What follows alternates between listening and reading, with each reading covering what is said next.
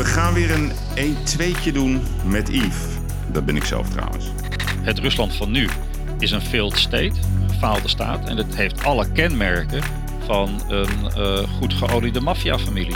Is er maar één doel wat hij voor ogen heeft en dat is gewoon zelfverrijking. Dan gaat er zoveel instabiliteit in het Kremlin ontstaan dat dat een definitief begin zal zijn van het einde van het regime van Poetin.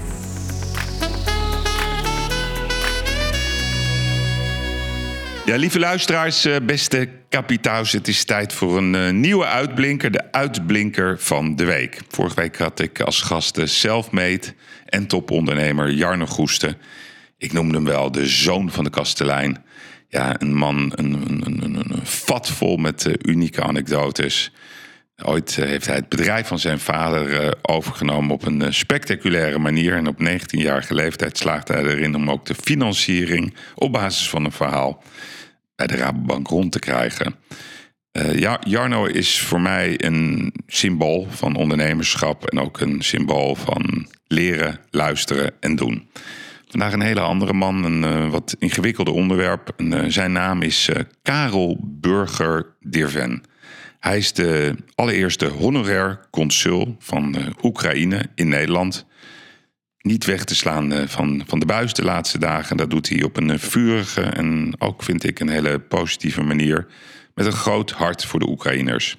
Ik zou zeggen, luisteraars, we gaan eh, in gesprek over Oekraïne in de meest brede zin van het woord. En ik ga nu bellen met Karel. Ja, goedemorgen. Karel Burger Deerven. Zeg ik dat goed zo? Deerven, Deerven? Dirven. Dirven, ja. Goedemorgen. Goedemorgen. Eerste honorair consul uh, van Oekraïne in Nederland. En mijn, mijn eerste gedachte was, hoe word je honorair consul van Oekraïne? Um, uh, ja, je wordt gevraagd. Uh, daar begint het eigenlijk mee. Maar daar gaat wel een periode aan vooraf. Omdat zoiets komt onverwacht op je pad. Bij mij is het op mijn pad gekomen doordat ik ehm, eigenlijk al heel vroeg, uh, toen het land net onafhankelijk was, al een keer in Oekraïne ben geweest als uh, student. Ik studeerde toen in Wenen. We zijn met een groep studenten naar um, de Donbass toen afgereisd. Niet wetende natuurlijk welke tragische zaken daar nu allemaal gebeuren. Um, ik ben sinds 2011 ben ik vervolgens uh, statenlid ge geworden in Brabant. En wat ongeveer in de periode 2015-2016 speelde op landbouwgebied en de problematiek daaromheen. Dat, uh, dat kennen we nu ook landelijk. Mm. Um, maar in Brabant speelde dat toen. En ik heb toen ook binnen mijn fractie aangegeven dat als wij strengere wet en regelgeving gaan maken, dat we ook de landbouwsector um, en, en de veeteelt ook perspectief moeten bieden. Bijvoorbeeld in landen waar heel veel ruimte is. Nou, toen kwam in één keer bij mij um, Oekraïne weer bovendrijven. En dacht, hé, hey, daar ben ik ooit een keer geweest. En dat land heeft heel veel ruimte. Um, toen speelde daar ook nog even parallel aan um, het uh, Oekraïne-referendum. Mm. Wat toen gehouden is, wat uh, ik een dramatisch referendum uh, vind. Vond nog steeds. En ik ben toen ook daarom afgereisd opnieuw naar Oekraïne, het land wat ik ooit had bezocht. En ik heb daar een aantal mensen leren kennen, waaronder de Nederlandse honorair consul in Lviv, Andriy Grinchuk. Mm. Um, en hij kende toen de net nieuw geïnstalleerde ambassadeur in Den Haag van Oekraïne, Sevolodchentsov. Uh, zo zijn die relaties tot stand gekomen. Ik heb toen met uh, heb ik een aantal bedrijven bezocht in het zuiden van het land. ASML, VDL, Rijkswaan. Ik ben naar de ZLTO's geweest van, van Brabant en, en, en het zuiden in Limburg. naar Hals Hogeschool. En toen ging er eigenlijk voor um, de ambassade een soort van nieuwe wereld open. Want ja, vaak heel die ambassade, hè, al de, dat, dat, de diplomatieke wereld blijft vaak toch in Den Haag. Mm. Een beetje Rotterdam, een beetje Amsterdam. En dat is dan Nederland met de modus van Kinderdijk, zeg ik altijd wel. En de, en de tulpenbollen. Maar uh, Nederland is natuurlijk veel meer. Um, en als je weet dat Brabant, dat is de tweede economie van Nederland.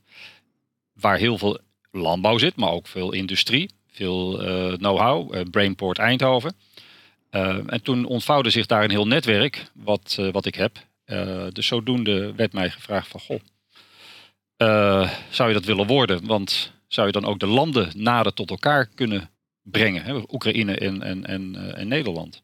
En ook kijken naar investeerders, Brabantse investeerders, die graag interesse hebben. En wie vraagt dat dan aan jou uh, om, om, om dat te worden? Uh, de ambassadeur. Van Nederland of van Oekraïne? Nee, van Oekraïne. Ja, ja, ja. Dus dat is, Maar de, de Nederlandse ambassadeur in Oekraïne? Nee, de Oekraïense ambassadeur in Nederland. Oké.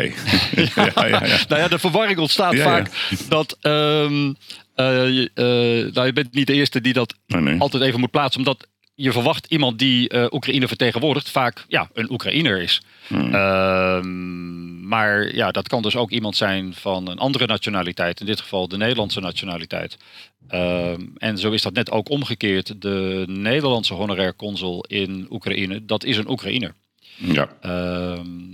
Dus ja, dat, dat, dat kan dus. Maar het voordeel daarvan wel is natuurlijk dat je ook native speaker bent. Dus je kan heel goed aanvoelen in een land wat er speelt. Eh, je hebt je netwerk en dat probeer je te verknopen als het ware met een netwerk aan de Oekraïnse kant. Ja, en, en wat is nou voor, voor, mijn beeldvorming het verschil tussen zeg maar de ambassadeur van uh, de Nederlandse ambassadeur dan voor Oekraïne uh, en de honorair consul-generaal? Wat is het verschil? Um, wacht even, want je haalt twee dingen door elkaar. De Nederlandse ambassadeur in Oekraïne, zei je? Ja, dus de, je hebt een Nederlandse ambassadeur in Oekraïne, neem ik aan. Klopt, ja. Waar zit hij? Zit hij in Kiev? Die zit in Kiev, ja. ja. Ja. Dat is op dit moment uh, Jennis de Mol. Ja. Maar daar heb ik geen uh, werkverhouding mee. Hè? Tenminste, dat is niet. Nee. Uh, dat staat helemaal los van zeg maar degene aan, met wie ik werk. Dat is, dat is de Oekraïense ambassadeur in Den Haag. Ja, ja in okay. Nederland. precies. En die werkt dan misschien weer samen met een Nederlandse ambassadeur in Oekraïne. Zeker, ja. zeker, zeker. zeker. Nee, die okay. kennen elkaar heel goed. Nee, Oké, okay. dus op, op, ja. op, die manier lopen de lijnen. Um, ja. Ja, even... en ik zeg het al even voor de duidelijkheid. Mijn baas, zeg maar, dit is de minister van Buitenlandse Zaken in Kiev. De minister van Buitenlandse Zaken, maar dat is een Oekraïner. Ja, dat is een, uiteraard. Dat is de Oekraïnse ja. minister van Buitenlandse Zaken, Kuleba. En die zit in, uh, in Kiev. Ja, oké. Okay. Nee, maar dan en, even ja. voor de helderheid. Want soms is ja. nee, nee, het is best moeilijk om het te begrijpen. Want ja, mm. het viel mij op. Uh, ja. Ja, jij, jij was heel erg aanwezig in het debat. Uh, ja, heel vurig ook. In het begin vond ik je iets ja. te vurig, zeg ik erbij. en daarna mm, ja. heb je meters gemaakt. En ja, ja, straal je toch, vind ik, een hele positieve manier van, van gezag uit. En, en een bevlogenheid voor Oekraïne. Mm. Waar, waar komt die eigenlijk vandaan? Die, is die ontstaan in het proces of was dat er al? Hoe, hoe, waar komt die bevlogenheid vandaan? Nou, het is, um, als je één keer um, in Oekraïne bent geweest, dan dan pakt het landje. Ik Mhm. weet niet, ben je er zelf wel eens geweest? Nou ja, ik kan me zelf. Ik heb zelf zeven jaar lang een uh, best wel groot bedrijf gehad in Rusland. Ja. Oké. Um, veel zaken gedaan met de Oekraïners. Ja. Bijna allemaal met Russische familie, Russische roots. Ja. Ja. En de enige keer, ja, het spijt me dat ik in Oekraïne ben geweest. Dat was um, uh, tijdens het EK. En toen uh, waren we op, Nee. ja, toen hebben we die wandeling gedaan Mhm. in Kharkov. Ik moet je wel Ja. zeggen dat, uh, dat me dat nog steeds op een hele fijne manier herinnert. Ja. Ik had wel het idee dat ik door de middeleeuwen liep. Ja. Ehm, ja, mensen die, die daar met verbazing keken naar die Nederlandse ja, Aha. roeptoeters in het oranje. eh, met bier in de rechterhand. En ja, het was, ze waren alleen maar aan het lachen. Ze waren alleen maar lief en aardig. Dat is. eh, Nee, precies. Ja. Nou, en dat is ook. ehm, eh, dat was mij al opgevallen toen ik daar als student kwam in 1992, toen het land net acht maanden onafhankelijk was. Mhm. En dat is mij toch op de een of andere manier bijgebleven. En ik Ja. ben er sinds 2017 weer opnieuw naartoe eh, teruggegaan. Mhm. En dat is iets wat mij altijd weer pakt. De, de vriendelijkheid van de Ja. mensen, de openheid van de mensen. Eh, en ook ehm, zeker sinds de revolutie van waardigheid vanaf 2014, ook zeg maar die nation building, het bouwen van een natie en ook eh, één bevolking zijn. Ehm, en als je daar komt en je komt er vaker ook terug en je leert mensen kennen, je maakt vrienden, dan word je toch gepakt door hun wens eigenlijk ook naar eh, vrijheid, naar democratie. Het land heeft een best wel turbulente historie eh, sinds hun bestaan, sinds 1991, hun onafhankelijkheid. Ehm, en ik zeg altijd, het is, het, het is een Europees land. Mhm. Het is het grootste land van Europa. Ja. En zij onderschrijven volledig de westerse waarden en normen. En toen ehm, ja, toen, toen ehm, zeg maar 24 februari plaatsvond. en ik herken ook wat je zegt hoor. Ik was daar best wel fel in de eerste dagen. Maar het was ook een ontsteltenis die ik had van jee, dat dit gebeurd is. En hoe gaan we nu verder? Want uh, we, we moeten dit tegenhouden. Hmm. We moeten dit stoppen. En daar kwam die bevlogenheid ook uit voort. En die is er tot op de dag van vandaag. Omdat, um, ja, ik, ik, ik, ik, ik, ik vertegenwoordig 43 miljoen mensen. Dat, daar voel ik me heel erg vereerd toe. Hmm. Maar ik vind ook dat ik voor hun een stem ben. En voor hun ook moet opkomen. Uh, en omdat ik ook weet van hun wat zij mij vertellen waar ze graag naartoe willen en wat ze graag uh, willen worden met hun land, samen met andere Europeanen in Europa. En die, ik zou bijna zeggen, die, die, die wens, die honger uh, naar vrijheid, naar volledige democratie, um, goede law en order, hè, een goede rechtsstaat. Um, ja, daar krijg, ja, dat is bijna emotioneel om te zien hoe dat ze daarvoor vechten. Hmm. Um, nou, en, daar, en ik stoor me dan ook enorm aan het beeld wat af en toe ook wordt opgeroepen, door, ook door politici.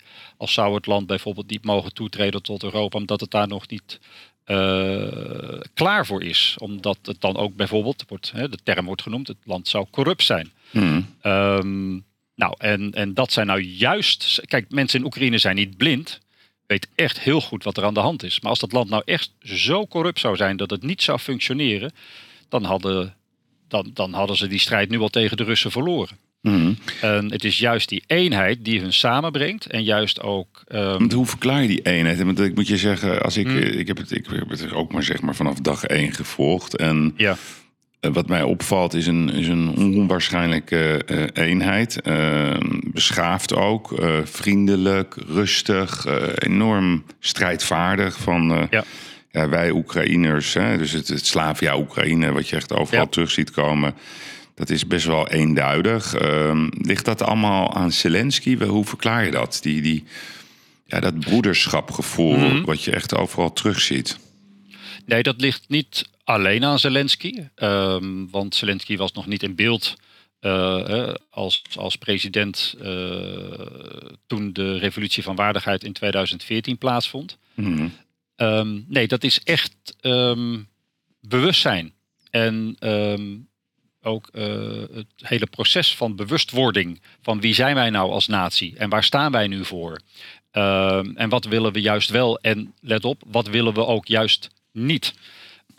En eigenlijk hun meest concrete overwinning daarbij was in 2014 het, uit de, eh, het, het wegsturen van Janukovic Ja, toenmalige president. En dat is eigenlijk ook een keerpunt geweest, ook voor Poetin. Eh, Poetin heeft eigenlijk alle voor, voorgaande presidenten in zijn invloedssfeer weten te krijgen. Waarbij Janukovic natuurlijk de top spande Mhm. als het ging om corruptie in dat land. ja. En daar heeft de bevolking enorm onder geleden. En daarom is die bevolking daar ook zo fel tegen in opstand gekomen. En zij weten dat als wij nu niet vechten en strijden voor onze vrijheid en voor die westerse waarden, dan gaan wij niet alleen de bevolking van Rusland achterna met totale onderdrukking, maar ze hebben natuurlijk ook het voorbeeld al gezien in Belarus. Ehm, Ja. Wat daar gebeurd is. Nou ja, En ja, die- Bijvoorbeeld met Sveta. Dat is dan zeg maar haar man, die is ook opgepakt. Eh. Die zit nog steeds in de gevangenis. Hij zegt ook, eh, dit willen de Belarussen niet. Ehm, die spreekt heel duidelijk de, zeg maar, de, dezelfde taal zeg maar, als de Oekraïners. Maar even, Mhm. toch even voor mij. Wanneer ben jij voor het laatst in, in Oekraïne geweest, zelf, fysiek? Drie weken geleden. En, en waar was je toen, toen je er was? in, eh, in West-Oekraïne. En ik was daar onder andere voor de voorbereiding van de speech van Zelensky voor het Nederlands parlement. Ja, En om ehm, ja, mensen te bezoeken. Ehm naar aanleiding van die voorbereiding. En, eh, en dat was in, Ki- in Kiev, is dat dan? Vindt dat plaats? Nee, we hebben eh, mensen ontmoet. eh, ik heb mensen ontmoet in West-Oekraïne. Samen met de Nederlandse honorair consul Andriy Grinchuk. Ja, Ehm, en ehm, ja, er is ook veel input geleverd vanuit de Nederlandse ambassade. Ik sta altijd wel in directe contact dan met de Nederlandse, oh, sorry, met de Oekraïnse ambassade, excuses. Nou maak ik zelf ja, ja. ja, ja. die verspreking met de Oekraïnse ambassade in, in Den Haag. Hmm. Eh, om ook Zelensky natuurlijk van juiste input te Want, want, want kijk, zijn speeches, hè, dus hij, hij- Mhm. hij heeft het vermogen om, om duidelijk te communiceren vanuit het hart, vanuit het gevoel. Hij spreekt zeg maar de taal van het volk. Hoe, dus, dus als je zijn speeches analyseert, of het nou eh, voor de Japanners is of voor, voor, voor de Amerikanen, noem het allemaal op. Hij, hij maakt er altijd een persoonlijke noot van. Eh, hoe, wie schrijft die verhalen? Wie doet dat? Kijk, het is geen, eh, hoe zal ik het zeggen? La- laat het geen geheim zijn dat hij heeft natuurlijk een aantal goede speechschrijvers. Ja. Ehm, maar de input gebeurt ook altijd vanuit de lokale ambassades. Waar natuurlijk de lokale details worden ingebracht. Ja. En voor Nederland was dat met name natuurlijk Brielen. eh, waarvan eh, menig Nederlander het misschien allemaal niet meer wist hoe het zat. Mhm. Ehm, maar dat was natuurlijk Maar voor wie, Nederland wie is Brielen? Eh, dat was zeg maar toen de watergeuzen binnenvielen. En Ah, dat, op zo'n eh, manier. Ja, ja. ja. ja. Ik, ik dacht dat je Eh, een, een naam bedoelde. Oh nee, nee, nee, sorry. Nee. Eh, maar eh, dat Maar wie een, eh, schrijft dat dan? Wie geeft dan zeg maar de details voor zo'n speech? Is dat dan de, de Oekraïense ambassadeur of de Nederlandse ambassadeur in Oekraïne die dat maakt? Nee, we hebben, dat gebeurt ehm, vanuit de ambassade van Oekraïne in Nederland. Worden een aantal thema's gewoon Ja. aangedragen. Van dit zijn lokale thema's. Dit is ook een stuk geschiedenis van Nederland. Ehm, en dan is het aan de speechschrijvers zelf die daar hun keuze uitmaken. En hoe dat ze dat aan elkaar verweven, zeg maar. Ja, Ehm, maar goed, het is wel. ehm, het is mooi dat het op die manier gedaan wordt. Want zo, zo kan je dus naar ieder land wat je toespreekt, kan je ook een persoonlijke boodschap brengen. Hmm.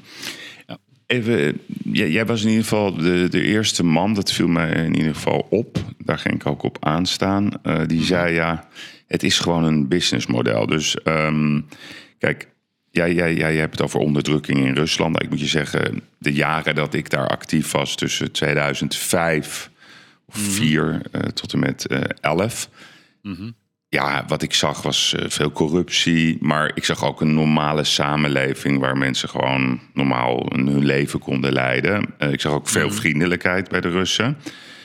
Ehm, je hebt altijd, ik heb altijd wel gezien hoe Poetin opereerde. Hè? Dus, dus Poetin had zeg maar de, aan de ene kant de oligarchen die allerlei sectoren vertegenwoordigden. Had, eh, in, de, in alle verschillende republieken had hij mannetjes die voor hem het vuile werk deden.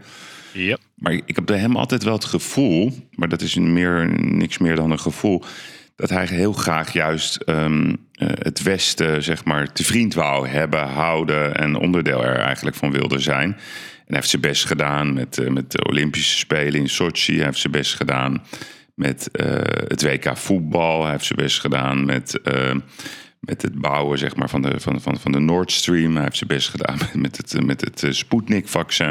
Maar om de een of andere manier ja, werd hij nooit serieus genomen. Ik heb het idee dat hij geradicaliseerd is eh, tijdens corona. Ehm, hoe, hoe verklaar jij dat? Hè? Dus aan de ene kant meer het, het menselijke gevoel. Hebben jullie altijd het idee gehad, omdat jij toch al een tijd hier bij, eh, bij Oekraïne verbonden bent, Ja. dat dit moment zou komen? Of, of is het ontstaan? Dat is voor mij nog steeds niet duidelijk.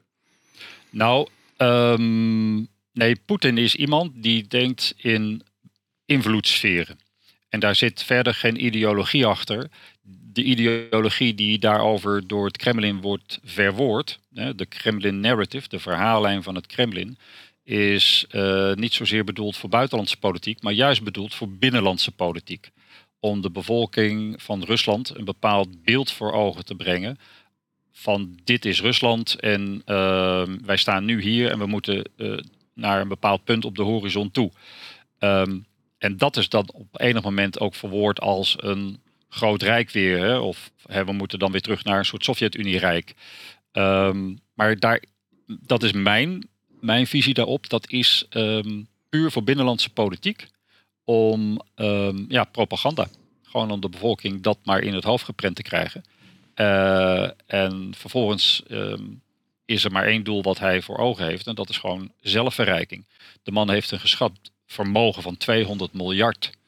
Eh, wat doe je met dat geld? Ik heb geen idee. Eh, dat is wel heel erg veel. En, en wat doe je daar nog mee? Maar ik kan me geen verlichte president voorstellen of leider van een land die zich op die manier verrijkt over de rug van de bevolking. En natuurlijk, de mensen proberen in het dagelijks leven, ook in Rusland, eh, zoveel mogelijk een normaal leven te leiden zoals dat gaat.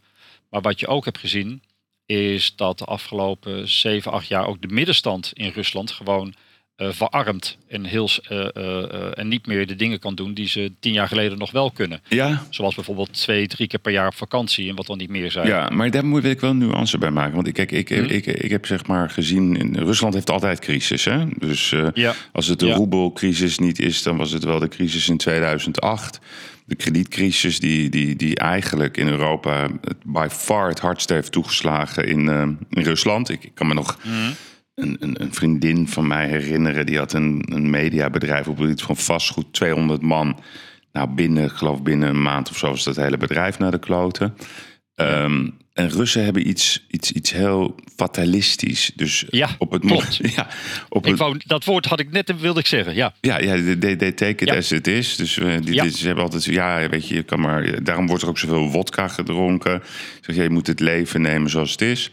Mm ik heb hele rare dingen daarmee gemaakt. Um, maar ik heb nooit dat, dat die haat gevoeld daar naar het Westen. Ik heb wel altijd een beetje de frustratie naar de Amerikanen. Dat, dat, mhm. dat is altijd wel wat ik daar voelde. Maar, maar ook mhm. gewoon een omarming eigenlijk van het Westen. Dus wat, wat is, er, er is iets gebeurd. Um, want Poetin is, is juist een man die heel strategisch altijd is. Die is handig. Uh, mm ik, ik heb elke keer het idee dat die man gek geworden is tijdens corona. Het, soms, soms zijn grote vraagstukken voelsmatig heel, heel simpel. Dat je denkt klopt, van... Klopt, klopt. Die man is gek nou, geworden. Dat heb ik de hele tijd het gevoel. Nou, en op nog even... Ik, ik, ga er dadelijk op in. Om nog even terug te komen wat je net zei over van dat hij goede dingen gedaan zou hebben met Sochi. En, uh, hij deed zijn uh, best. Hij deed zijn best. Kijk, dat is natuurlijk ook deels ingegeven om erkenning te krijgen erkenning mhm. juist naar het buitenland. Hè? Dus, ehm, Zeker. Als je even de piramide van Maslow voor ogen hebt, zeker. Dan, dan is het op een gegeven moment, dan wil je erkenning krijgen. Mm -hmm. Grappig dat je dat als voorbeeld uh, noemt. Dat, dat heb ik namelijk ook een keertje als voorbeeld. Ja. ja. Nou, en, en dan terug, wat zou er dan nu gebeurd zijn bij hem? Zeker zal die uh, afgelopen twee jaar met corona een invloed op hem hebben gehad.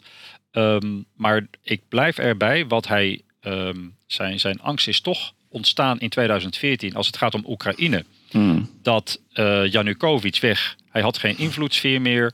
Um, en hij is bang geweest dat die democratiseringsgolf die er vanaf dat moment aan de gang is gegaan in Oekraïne, dat die zou overslaan naar Rusland.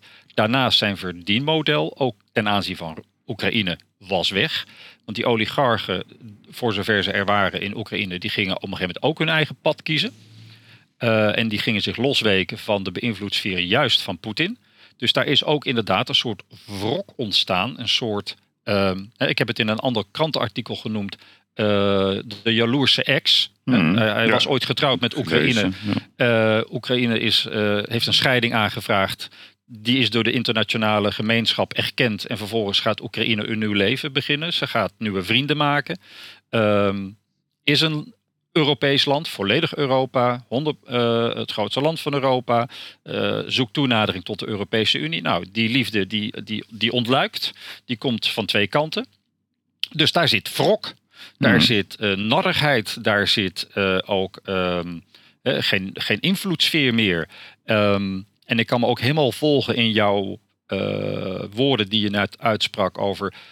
Maar er is toch helemaal geen vijandelijkheid op zich tussen Oekraïners en Russen. In beginsel is die er ook niet. te lopen bloed, bloedbanden um, door, uh, door Oekraïne en, en Rusland heen.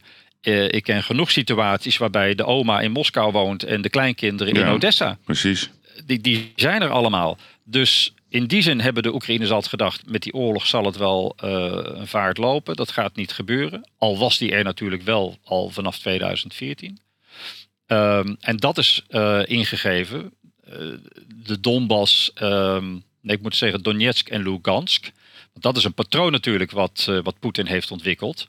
Um, want het is allemaal gekomen toen Janukovic wegging. Hmm. Toen is hij begonnen te stoken in Donetsk en Lugansk. Hij heeft de Krim ingepakt.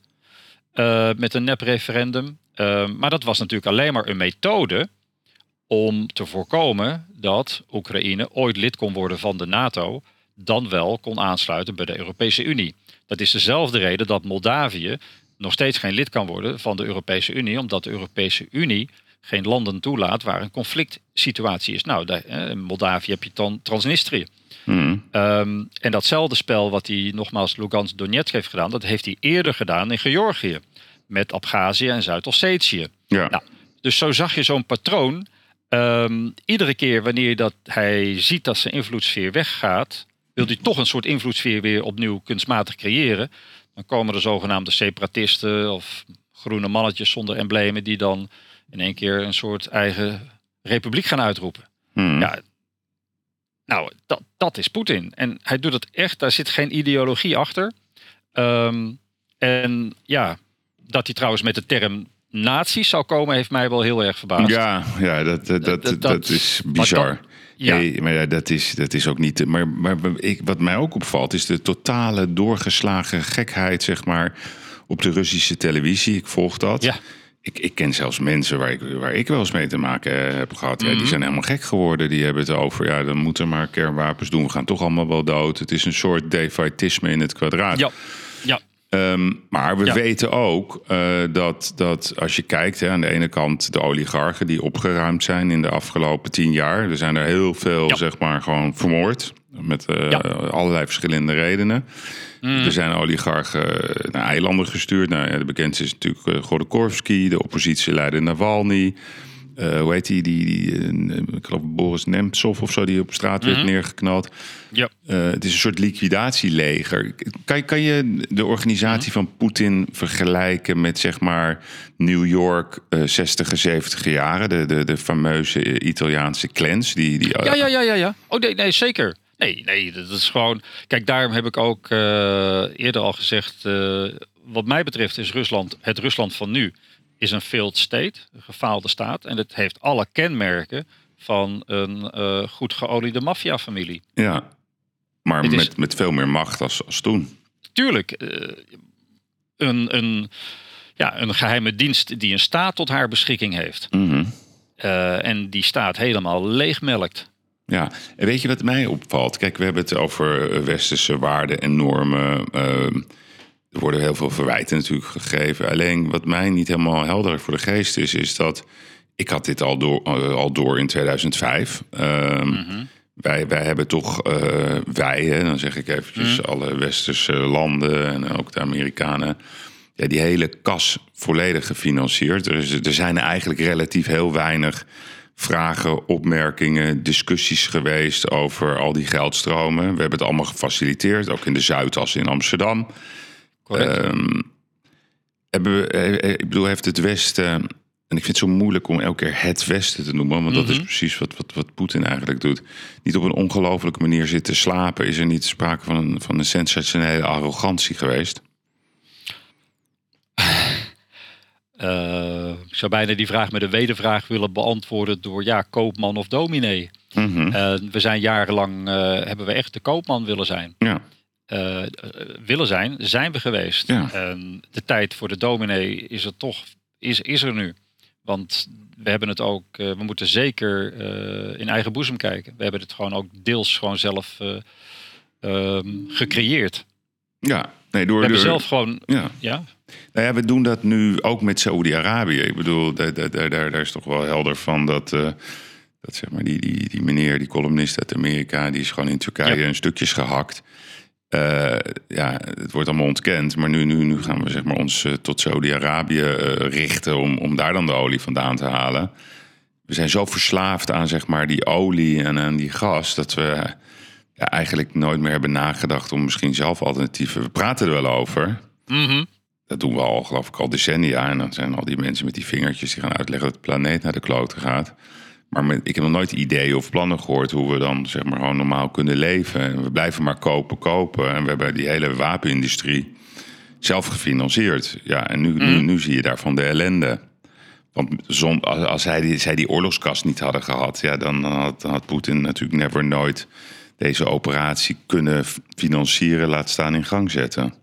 klopt. Dat is ook Klopt wel helemaal. het failliet van ons eigen, eigen ja, zwakheid eigenlijk maar.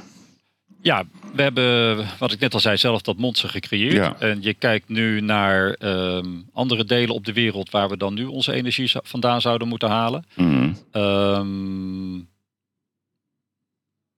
Zorgelijk, absoluut. Ja. Absoluut. En, en ik, kijk, wat, wat ik ben, ehm, eh, eh, ik ben afgestudeerd bij, bij KPMG Alpentrooihand in Wenen. En toen ik eh, afstudeerde, kreeg ik een boek. Eh, het boek staat bij mij in de boekenkast. Eh, ik heb het boek nooit gelezen.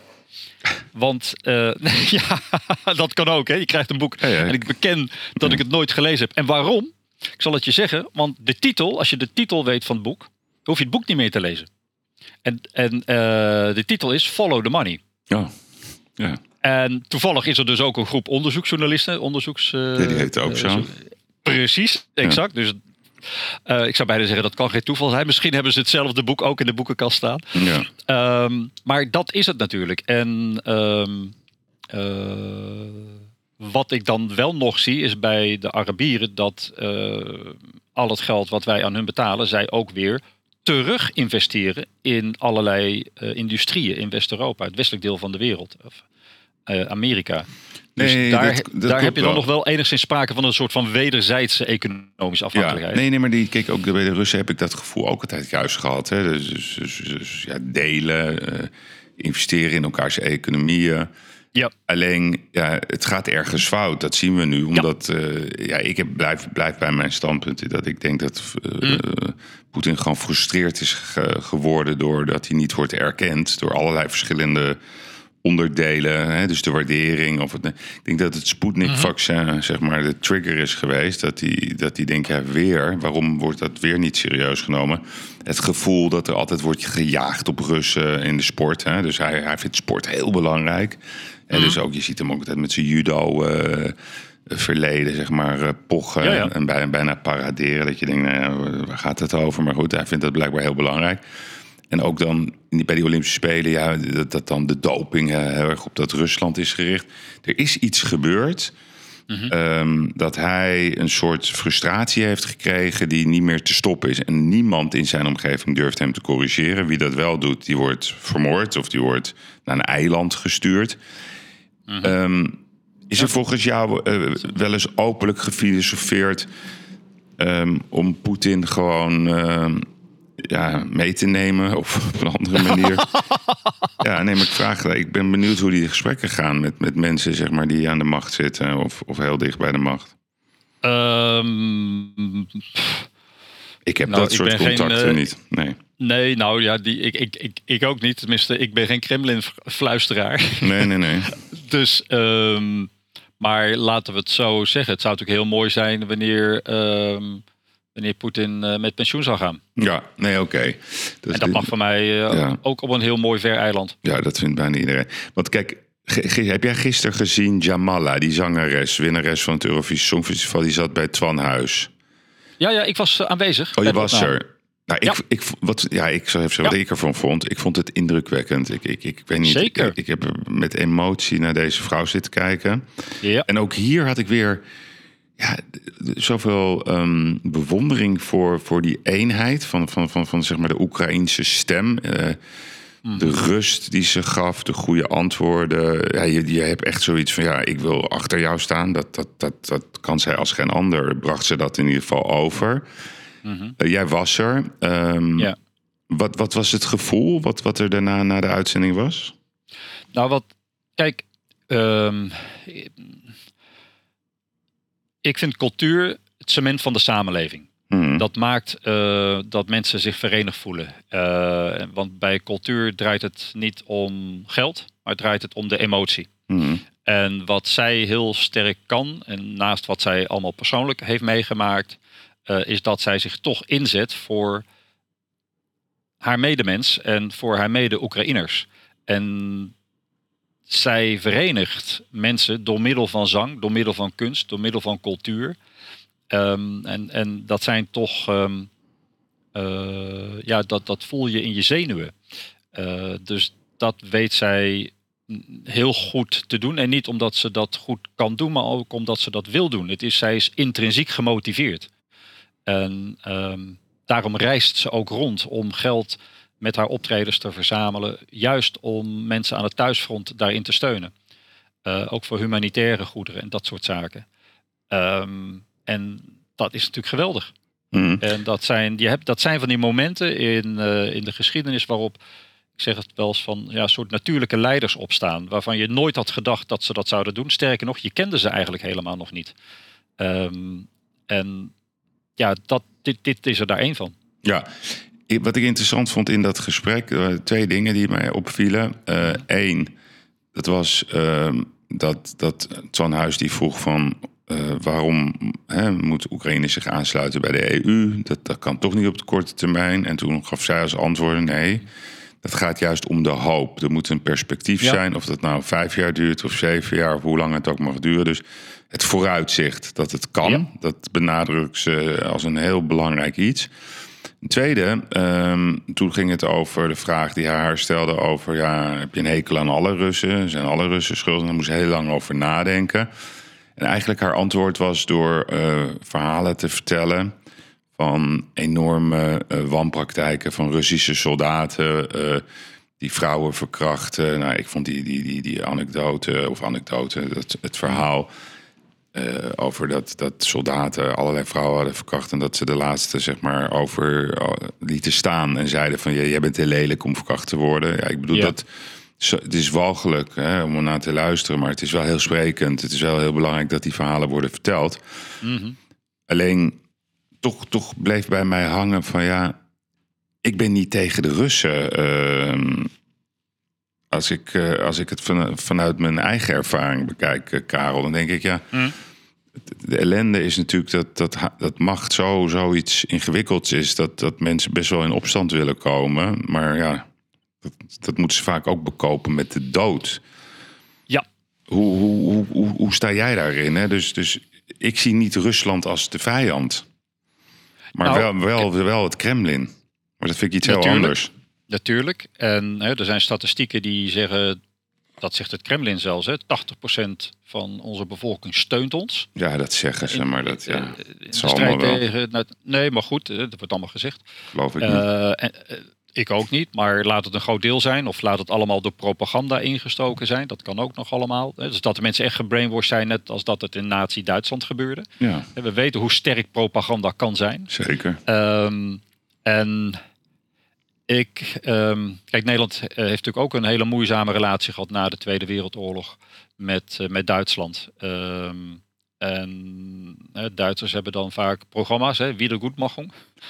Ehm ik wil niet zeggen dat, het, dat, dat Rusland ook zoiets moet gaan doen, maar er komt natuurlijk een momentum ergens in de toekomst, hopelijk kort, maar het kan ook nog lang duren, dat deze oorlog voorbij is en dat we toch verder moeten met elkaar.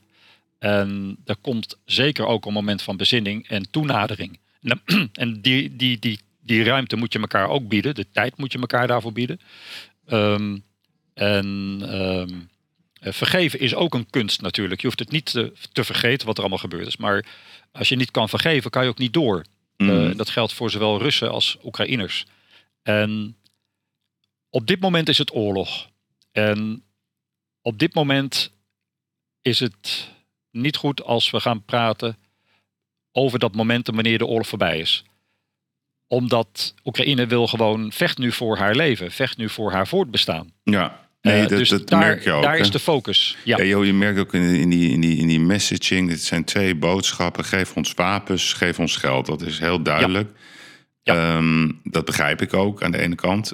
En aan de andere kant, ehm, ja, je hoopt toch, hè, dus die 9 mei wordt de hele tijd maar als, als, als D-Day eh, genoemd. hè. Mhm. Dat is zeg maar de dag dat de Russen eh, hun onafhankelijkheid hadden bereikt.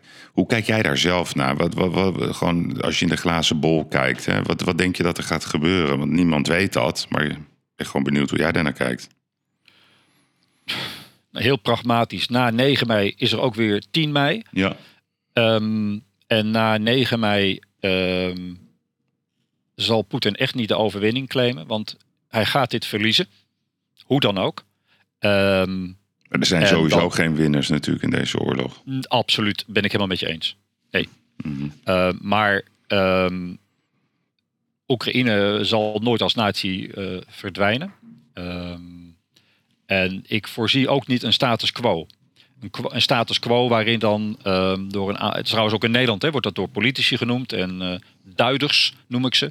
Eh, hè, die zeggen ja, dan moet er een soort politieke oplossing komen. Dat, eh, wa- wat er eigenlijk op neerkomt dat Oekraïne dan maar moet afstand moet doen van een derde van haar grondgebied. Ja. Dat deel wat Rusland bij wijze van spreken nu heeft ingenomen. Ja. Ehm, daarover even het volgende. Dat vind ik van zo dédain denken. Want daar gaat Oekraïne altijd nog zelf over. Hmm. En ik zou bijna zeggen dat als Oekraïne nou op dit moment bij wijze van spreken geen wapens meer zou krijgen, dan vechten ze nog door. Want dan is het echt eh, de dood of de gladiolen.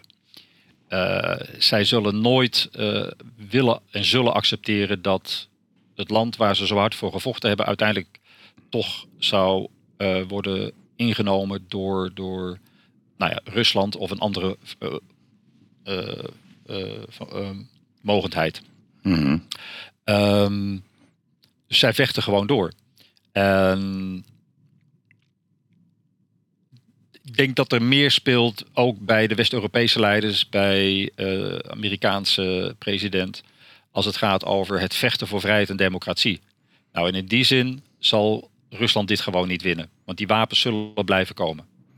Ehm, en de gamechanger, dat heb ik al eerder gezegd, is ja, niet in dit eh, programma, maar elders, Mhm. dat ehm, eh, de hele Donbass, maar ook de Krim, eh, die zullen weer terugkomen naar Oekraïne. Oekraïne zal haar soevereine natie weer volledig hersteld zien. En dan komt die, zoals exact is vastgesteld in het memorandum van Budapest. Want dat is de basisafspraak. In ruil voor het inleveren van kernwapens zijn dat de garanties die mede door Rusland zijn gegeven aan Oekraïne. En dat is voor mij de basis waar we naar terug moeten. Hmm. Ehm, en dat wordt trouwens de gamechanger. Want dan gaat er zoveel instabiliteit in het Kremlin ontstaan. ehm, dat dat, eh, voor zover dat het al niet is ingezet, dat dat een definitief begin zal zijn van het einde van het regime van Poetin. Ja, ja. Maar zeg is- maar, de is capo dat, di capi ja, ja. eh, wordt onthoofd. Ja, maar is dat hoop? Of is dat wishful thinking wat jij nu zegt? Want ik kan me niet voorstellen dat Poetin, die het altijd een militaire operatie heeft genoemd, hè, dat is eigenlijk vanaf dag één, hè, toen hij dat aankondigde, met best wel venijn ook in het gezicht. Hè, dus dat, dat, dat was een andere Poetin dan de Poetin die we nu af en toe eh, in, in, in deeltjes voorbij zien komen. Dus hij, ik denk ook wel dat hij een taxatiefout heeft gemaakt. Ik denk dat hij dat zelf ook wel inziet.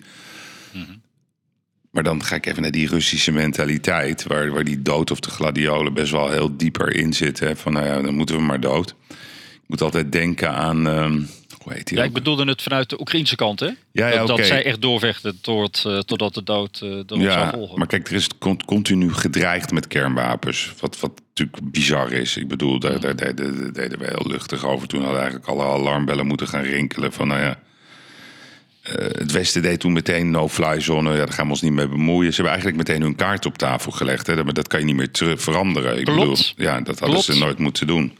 Helemaal mee eens. Ja, Ja, maar dat is gebeurd. Dus dat is, dat, dat, dat kunnen we wel zeggen dat we er weer, weer van kunnen leren. Wat de politici in het Westen altijd zeggen. Maar ja, ik weet niet of je daar wat aan hebt. niks. Nee, maar hoe, kan- hoe kon- kijk, Ja. de, de enigen die dit kunnen oplossen, dat zijn volgens mij de Chinezen en de Amerikanen. Want dat zijn op dit moment nog steeds de, de twee grootste machten in de wereld. Als die zich ermee gaan bemoeien, ja, dan, dan zou het rustig kunnen worden. Maar ik zie dat ook niet gebeuren, want de Chinezen willen Taiwan in, eh, innemen. Ik, ik, ik vind het een, een status quo waar, waar, waar, waar, waar het, het gaat om ego's in het kwadraat die de leiding hebben. Zeker. Ja, hoe kan, is, is er niet een soort escape route, een slimme manier dat je denkt van ja, dat er winnaars uit de strijd kan, kunnen komen aan alle kanten, dat iedereen het accepteert? Want uiteindelijk, de mensen zijn hier de dupe van, zoals altijd. Ja, ik, zie zelf, ik zie geen oplossingen. Klinkt heel Nou, gek, ik terwijl wel. ik, terwijl ik wel een positief ingesteld persoon ben. Ja, ja. ja, ja. Ehm, ik ben voor kernwapens ben ik niet bang. Mhm. Ik ben eerder bang voor vuile wapens. Dus chemisch, Ja, bio, biowapens, ja. vuile, vuile bommen. Mhm. Ik noem het ook wel eens domme bommen. Ja, ja. Ehm, dat is een reëel angstbeeld.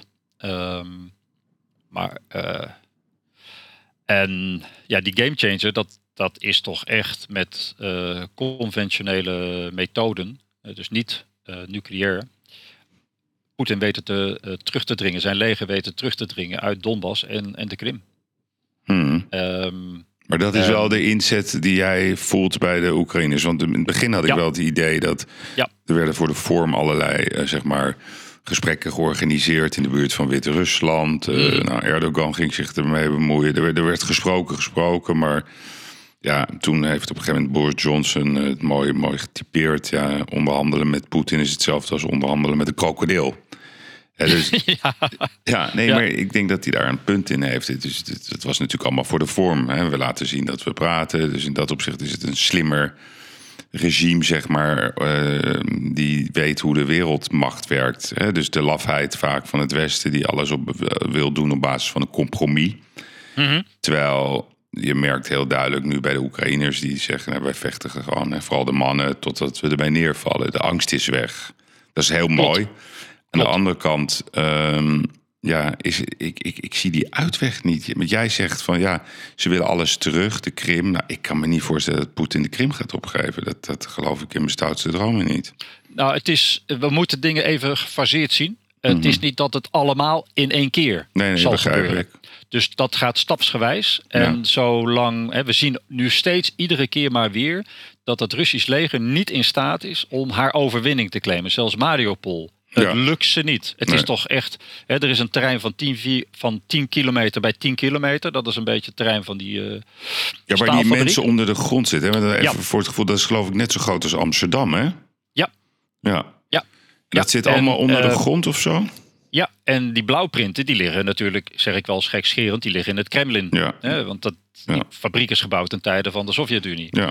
Eh, centrale, eh, centraal geleide planeconomie. Ja. Dus eh, ze weten exact waar ze aan beginnen als ze dat terrein militair willen innemen.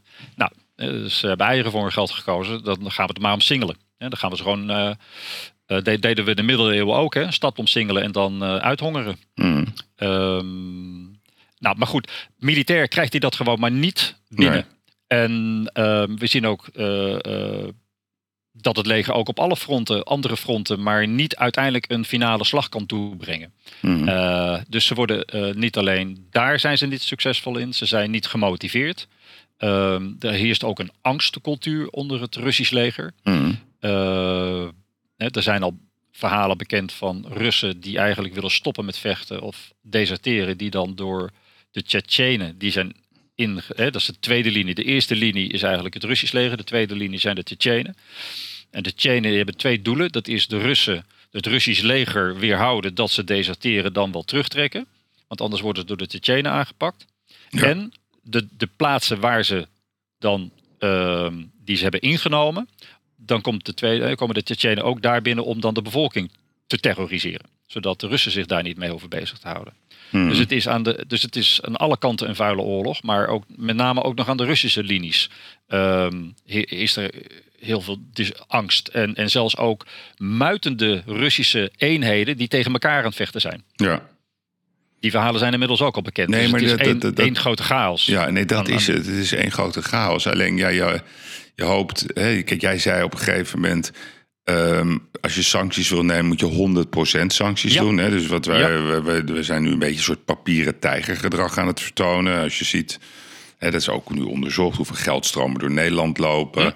Ja, echt, echt afpakken, dat doen ze nog steeds niet. Ehm, Nee. Dat geldt ook voor de Amerikanen. Hè. Biden roept van ja, we gaan alles afpakken. Daarmee gaan we Oekraïne herbouwen. Nou, noem het allemaal op.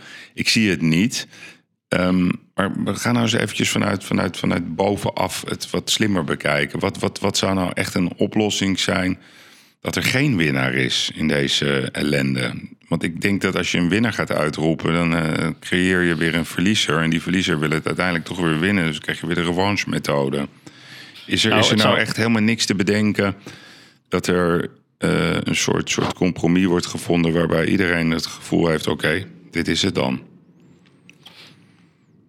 Een heel mooi scenario En ik begrijp zijn. die soevereiniteit, hè? Die, dat Ja, ja, ja. ik. Nee, ik hoor, ik hoor wat je zegt. Ehm, maar een heel mooi. ehm, nou, wat ik, wacht, wat ik daar even over wil zeggen.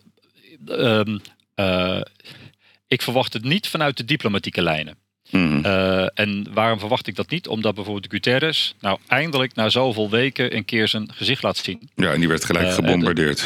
Juist. En die werd ook nog gebombardeerd, kreeg dus een cadeautje erbij. Ja. Eh, en, en omdat de, de Verenigde Naties daar allerlei gaten laten vallen op diplomatiek niveau, zie je dus allerlei lokale wereldleiders, ja, lokale wereldleiders, hè, maar de, de president van Indonesië gaat ze er één keer mee bemoeien. En, en, en de- die vallen allemaal in dat gat.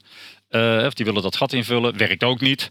Ehm, dus de president ook, van India bedoel je? Of Indonesië? eh, eh, Indonesië, die wilde zich er ook mee oh, ook, bemoeien. oké. niet- Ook ja, nou, dus nou, goed bedoeld, wellicht, maar werkt ook. Dus die diplomatieke wegen zie ik niet. Wat een mooi scenario zou zijn, en daarom opper ik ook hè, die 100% sanctie, ehm, dat je daarmee dat verdienmodel van Poetin en zijn 6000, eh, de 6000 van Navalny die daaromheen zitten, eh, dat je die raakt. Dat dat zoveel disbalans En voor, voor de luisteraars, de, de 6000 van de Wani, dat zijn zeg maar de 6000 mensen, oligarchen, eh eh, Doema-leden die zeg maar Ja. het geld ste- stelen uit de kas, laten we het zo maar zeggen. Ja. En eh, ja, en ook mensen die dus juist door Poetin eh, zich hebben kunnen verrijken en daardoor ook extreem loyaal zijn aan Poetin. Ja, klopt. Eh, maar wanneer dat verdienmodel wegvalt, dat dat zoveel disbalans zal brengen, waardoor er juist een, een, een scenario mogelijk is dat Poetin op de een of andere manier het veld zal ruimen. Waardoor er eh, een nieuw leiderschap zou kunnen ontstaan. Wat wij ook niet weten, misschien totaal onverwacht, maar dat daar dan juist mee goed gepraat kan worden om tot een oplossing te komen. Ja, Kijk, want even in essentie, eh, Rusland is natuurlijk ook een land wat in essentie, in, in theorie, ook alles heeft. Het heeft eh, goede eh, grondstoffen, het heeft goede landbouwarealen, wonen ook geen domme mensen, ook goed opgeleid. Hè, dus, nee, maar het dat, heeft- het probleem is natuurlijk, want dit is een regime change. Hè, en Mhm. dat hebben we wel gezien in de laatste twintig jaar. Het- als het Westen zich gaat bemoeien met regime change, kijk naar eh, Irak, kijk naar Libië. Ja. Vind ik eigenlijk nog het eh, meest vergelijkbare. eh, Mhm. Het is ook één grote chaos geworden. Wij zijn niet heel goed in regime change. Nee, maar moeten we ons er ook niet mee bezighouden? Nee, maar dit is Maar wel, wat, wel- wat je zegt. Hè, van, kijk, Nou, je stuurt er wel op aan. Ja, ja, Ja. je stuurt er wel op aan. Ja.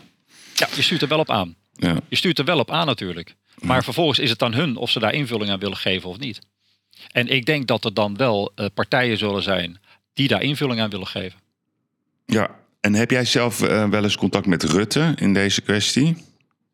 Nee. Helemaal niet. Nee. Want wie, wie is nou vanuit Nederland, zeg maar, de opperba... Afgezien dat ik hem trouwens af en toe toespreek, hè? Ja, ja, Rotterdam oké. bijvoorbeeld. ja. Nee, maar wie, wie, wie is zeg maar vanuit Nederland de vooruitgeschoven man? Eh, of ja, Hoekstra zou het moeten zijn, hè? Die, die zeg maar hierbij betrokken is. Wie is dat? Is dat Hoekstra? Dat is de minister van Buitenlandse Zaken altijd. ja, dat is Hoekstra, ja. Dus dat was eerst... eh, Ja. ja. Precies. Ja, ja. ja, ja, die heeft de nu- minister die van heeft, die heeft nu een andere, ander Die mapje. nu, ja, ja. Ja. Goh, jeetje. ja, en daarvoor was het Stef Blok natuurlijk. Ja, ja. Maar dat was nog eh, voor, voor oorlogstijd. Ja, maar die is nu bezig toch met het geld van de Russen veilig te stellen.